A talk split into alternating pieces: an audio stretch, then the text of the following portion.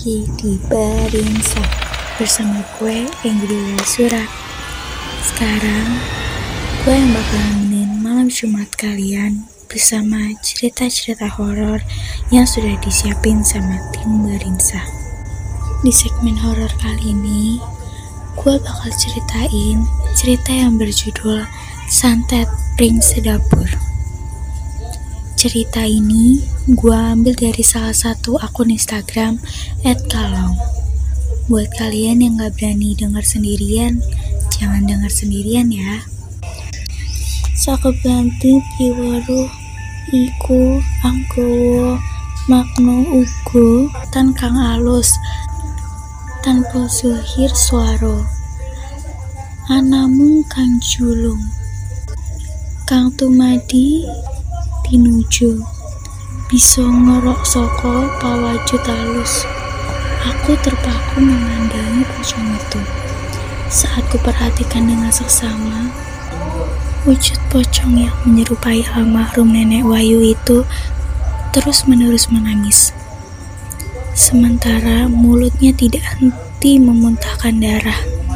Tiba-tiba seperti ada bisikan dan panggilan lirih yang mendorongku agar lebih mendekat lelembut itu. Tetapi, aku memilih mengabaikannya. Aku tetap saja fokus, terpaku menatapnya. Le, Renio. Panggilan itu diulang sampai tiga kali seakan-akan untuk meyakinkan indera pendengaranku. Setelah panggilan yang ketiga, Baru kakiku melangkah, mendekat dengan sendirinya tanpa perlu diperintah oleh pikiranku. Aku titip wahyu le, jogonen putuku. Aku titip tari, tolong jogonen putuku. Ucapan lirih itu terdengar dari setan pocong yang berdiri di hadapanku. Aku mengangguk perlahan pertanda menyetujui permintaannya. Karena aku memperkirakan bisa saja korban selanjutnya yang menjadi incaran ilmu ini adalah mereka berdua. Kedua anak bularas. Dan kedatangan pocong ini bukan untuk menakut-nakuti, tapi dia memberikan pesan atau minta pertolongan agar aku dapat melindungi Wahyu dan adiknya, Tari. Mas, Mas, Suara Wahyu memanggil dari ruang tengah. Iya mas, jawabku menyaut panggilan Wahyu. Hush! Tiba-tiba angin berhembus dengan sedikit kencang. Lap. Mendengar suara panggilan Wahyu, sosok di hadapanku tiba-tiba lenyap menghilang tanpa meninggalkan tanda apa pun.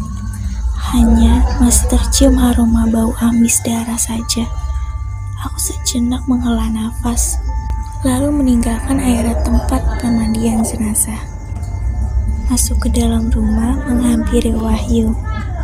Pak, bagaimana mas? Masih ada? Pocong itu masih ada? Tanyanya dengan badan gemetar. Sudah tidak ada mas, sudah pergi. Bagusnya Mas Wahyu sholat terus istirahat saja. Suruhku padanya agar lebih tenang. Iya mas, saya pamit sholat dulu ya. Iya mas, silahkan. Dengan kepala tertunduk seakan menyembunyikan kecemasannya. Wahyu berlalu masuk ke dalam kamar. Sementara aku hanya duduk menunggu kepulangan ibu dan keluarga Bularas. Sambil menunggu kepulangan mereka, aku kembali berusaha memahami perintah dari sana pocong tadi agar aku menjaga kedua cucunya. Apakah ini artinya mereka berdua kini juga sudah diincar oleh ilmu penyebar maut ini? Sejak aku memanjatkan doa dalam hati, semoga Tuhan selalu menjaga keluarga ini dan semua baik-baik saja. Tidak beberapa lama kemudian, Wahyu keluar dari kamar dengan wajah yang sudah mulai tenang. Ia menghampiriku, lalu kami duduk saling berhadapan. Dia berusaha menceritakan apa yang terpendam di dalam benaknya. Sebelum kejadian ini, Mas, sebenarnya kami sudah tahu awal mula peristiwa ini. Hanya dikarenakan warisan rumah Eyang yang jatuh ke tangan ibu, membuat malapetaka bagi keluarga kami. Wahyu mengawali obrolan.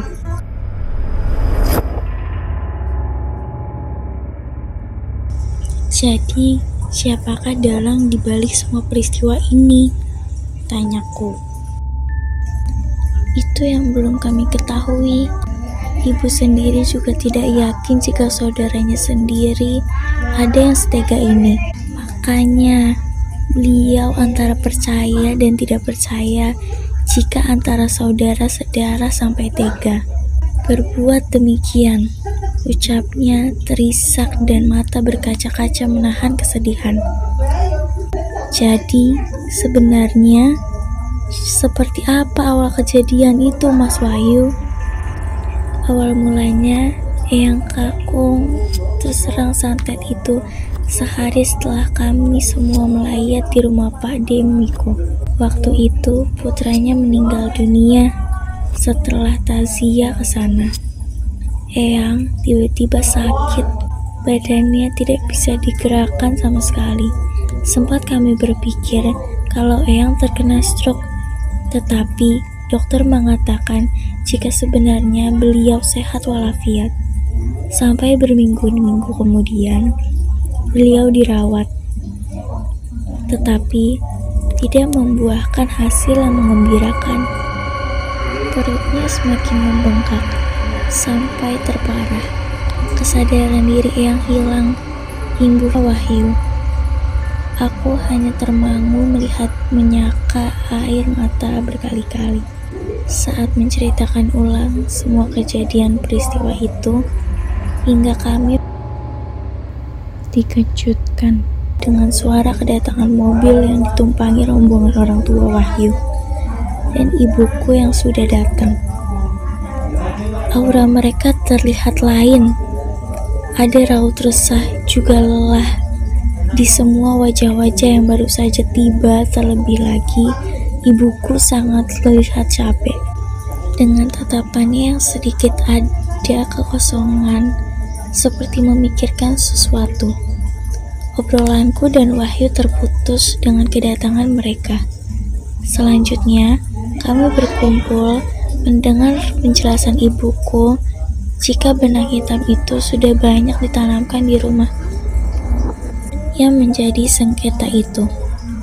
Ibu juga menerangkan jika Bolo Sewu sudah bertengger di sana menanti darah hingga tulang benulang penumbalan berikutnya. Pulau Sewa adalah jin dengan arti nama seribu pasukan. Wujud mereka berbadan ular dan wajahnya menyeramkan, menyerupai Benowo atau Buto Cakil yang taringnya lebih panjang, keluar dari barisan gigi tajam dari rahang bawah. Mulutnya memanjang ke depan seperti mulut buaya atau serigala. Dalam dunia klinik atau perdukunan, jenis sewu ini menjadi sosok jin paling diwaspadai karena keganasan dalam memaksa jasad-jasad manusia yang menjadi tumbal. Dengan raut wajah tidak bisa menyimpan sesuatu, Bu berbicara lembut kepada Bularas. Mbak, saya mengungkapkan gambaran yang terlihat dari mata saya. Hanya saja, Mbak harus ikhlas menerima ini. Harus berusaha memahami jika semua ini bisa berhenti hanya melalui pertolongan Allah semata. Ucap ibu dengan genggaman jemari yang terlihat menahan gejolak jiwanya. Insya Allah mbak. Nah, saya siap mendengar pernyataan itu. Semoga Allah memberikan keikhlasan kepada saya dan keluarga saya. Jawab Bularas dan anggukan suaminya yang duduk bersebelahan. Sebelum melanjutkan apa yang hendak diucapkan, tarikan nafas panjang juga berat terlihat dari ibuku. Bibirnya masih juga bergetar ingin menyampaikan semua ini, tetapi masih sangat terasa berat untuk beliau. Hingga tarikan nafas yang kedua yang terdengar lebih panjang. Baru dimulai pembicaraan. Ini jenis santet dengan penumbalan pengorbanan jiwa. Baru bisa diikuti oleh pengambilan jiwa berikutnya. Ilmu pengiribuan jin ini merupakan pencabutan nyawa sampai semua keturunan habis tersisa. Jika manusia sudah terkena ilmu yang selalu disebut santet bambu sarumpun, kata ibu menjelaskan jadi, bagaimana menghentikan semua ini, Mbak? Tanya Pak Sumsi, suami Bularas. Perang. Mau tidak mau, harus perang melawan mereka. Tidak ada jalan lain. Perang ini yang harus menuai semua ikhlas itu. Karena yang menjadi musuh kalian adalah keluarga kalian sendiri. Apa kamu siap, Jeng?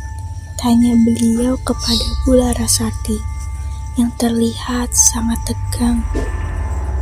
Maksudnya keluarga sendiri bagaimana Mbak Nah? Bularas bertanya dengan nada yang semakin menunjukkan ketakutan. Iya, karena rumah itu yang menjadi pangkal persoalannya kakakmu menjadi iri hati dan tertutup mata kebaikannya. Apa kamu tahu, Jang? Ilmu ini bisa terjadi dengan beliau terlebih dahulu menumbalkan anaknya sendiri. Lanjut ibu menjelaskan.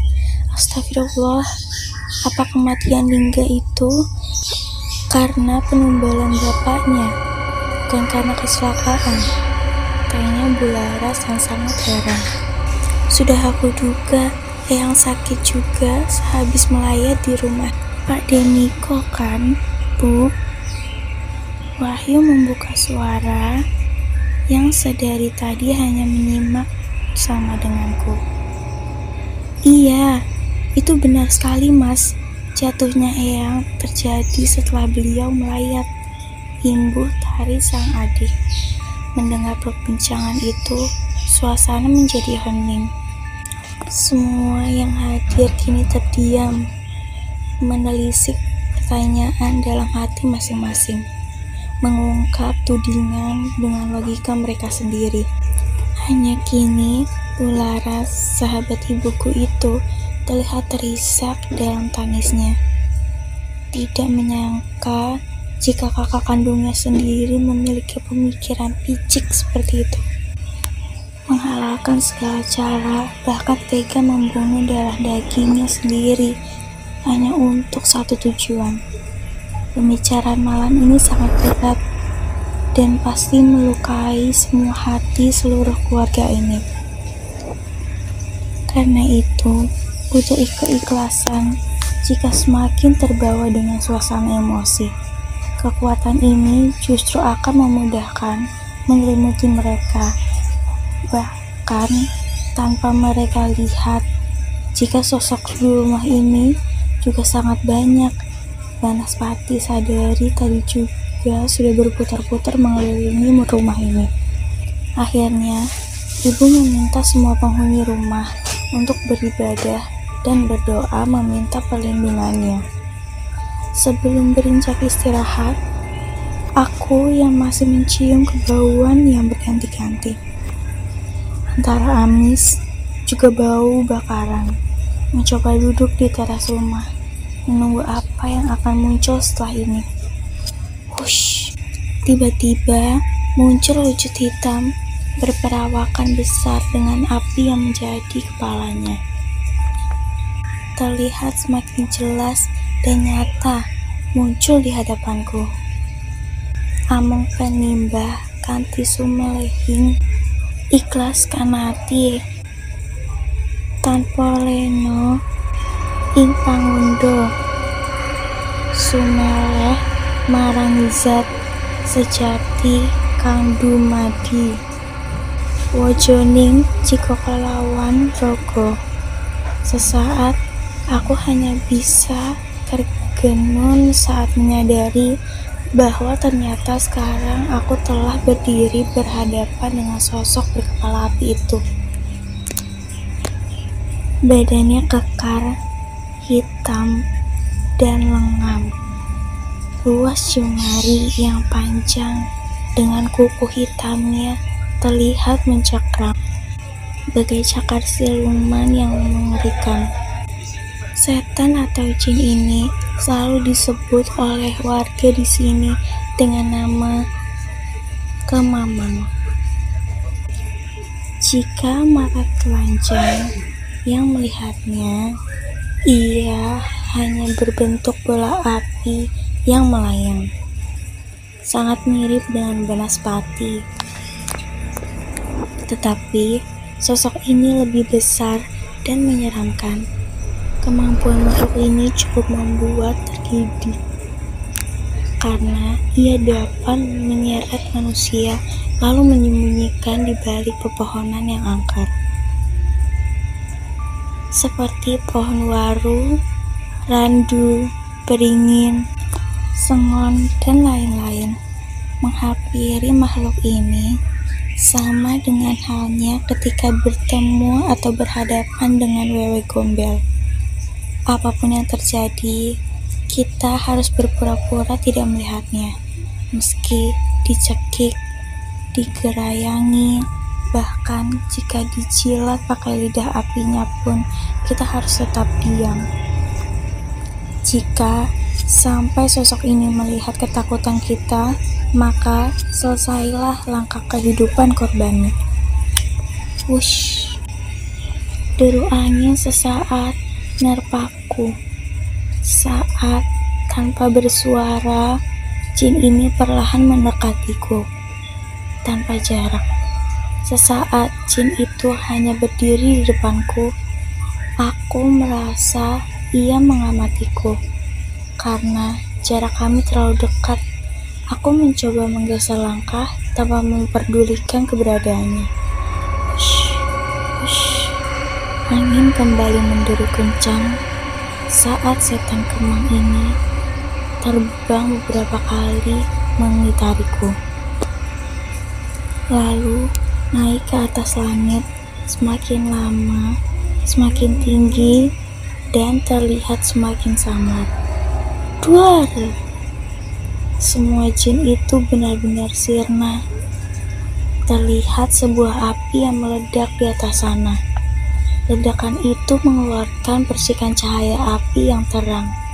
Wush, hembusan angin kencang tiba-tiba muncul kembali.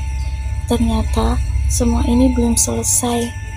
Baru sesaat saja aku bisa menarik nafas lega dengan kepergian setan itu.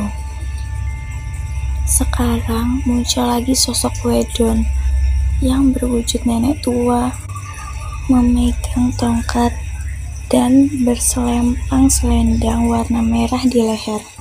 Astagfirullah, Wedun, teriakku secara tiba-tiba saat melihat wujud nenek itu.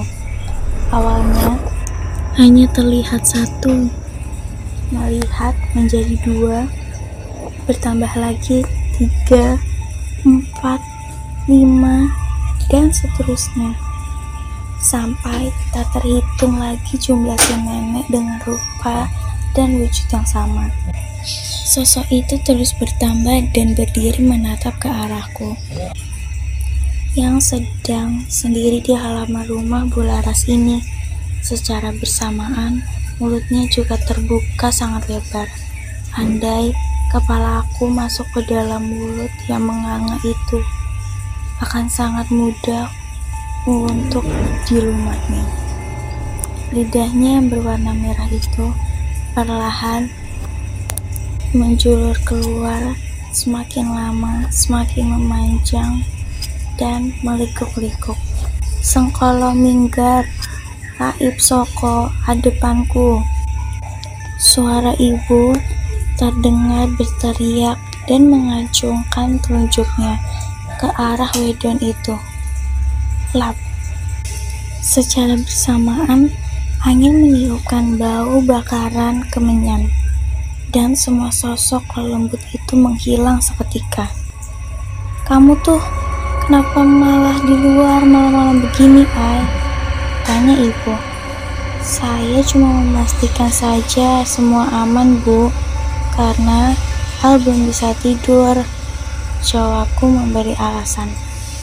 Aman dari apa? Ini sudah nggak aman.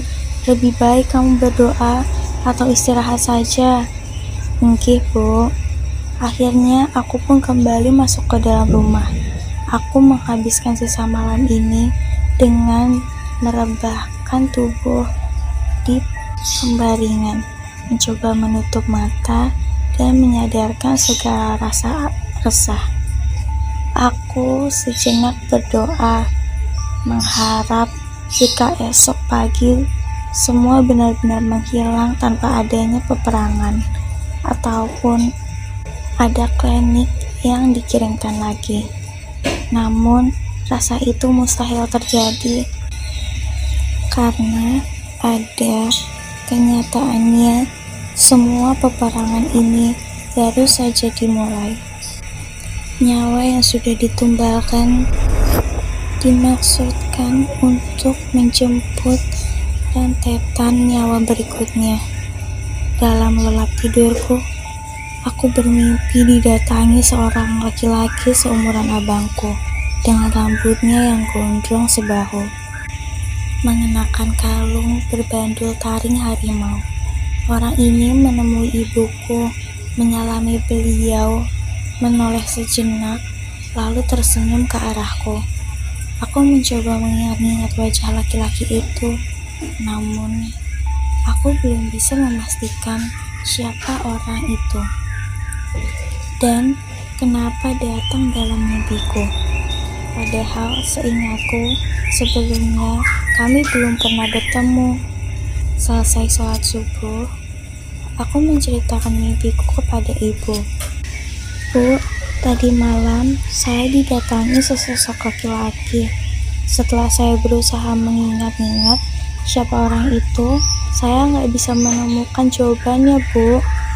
Sepertinya kamu memang tidak pernah bertemu sebelumnya. Ibuku hanya tersenyum ke arahku dan menanyakan bagaimana cerita dalam mimpiku.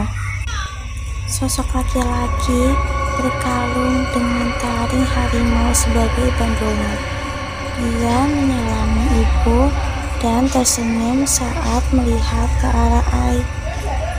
Kataku menjelaskan.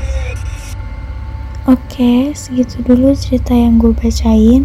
Penasaran sama cerita selanjutnya? Jangan lupa buat dengerin Brinsa terus ya.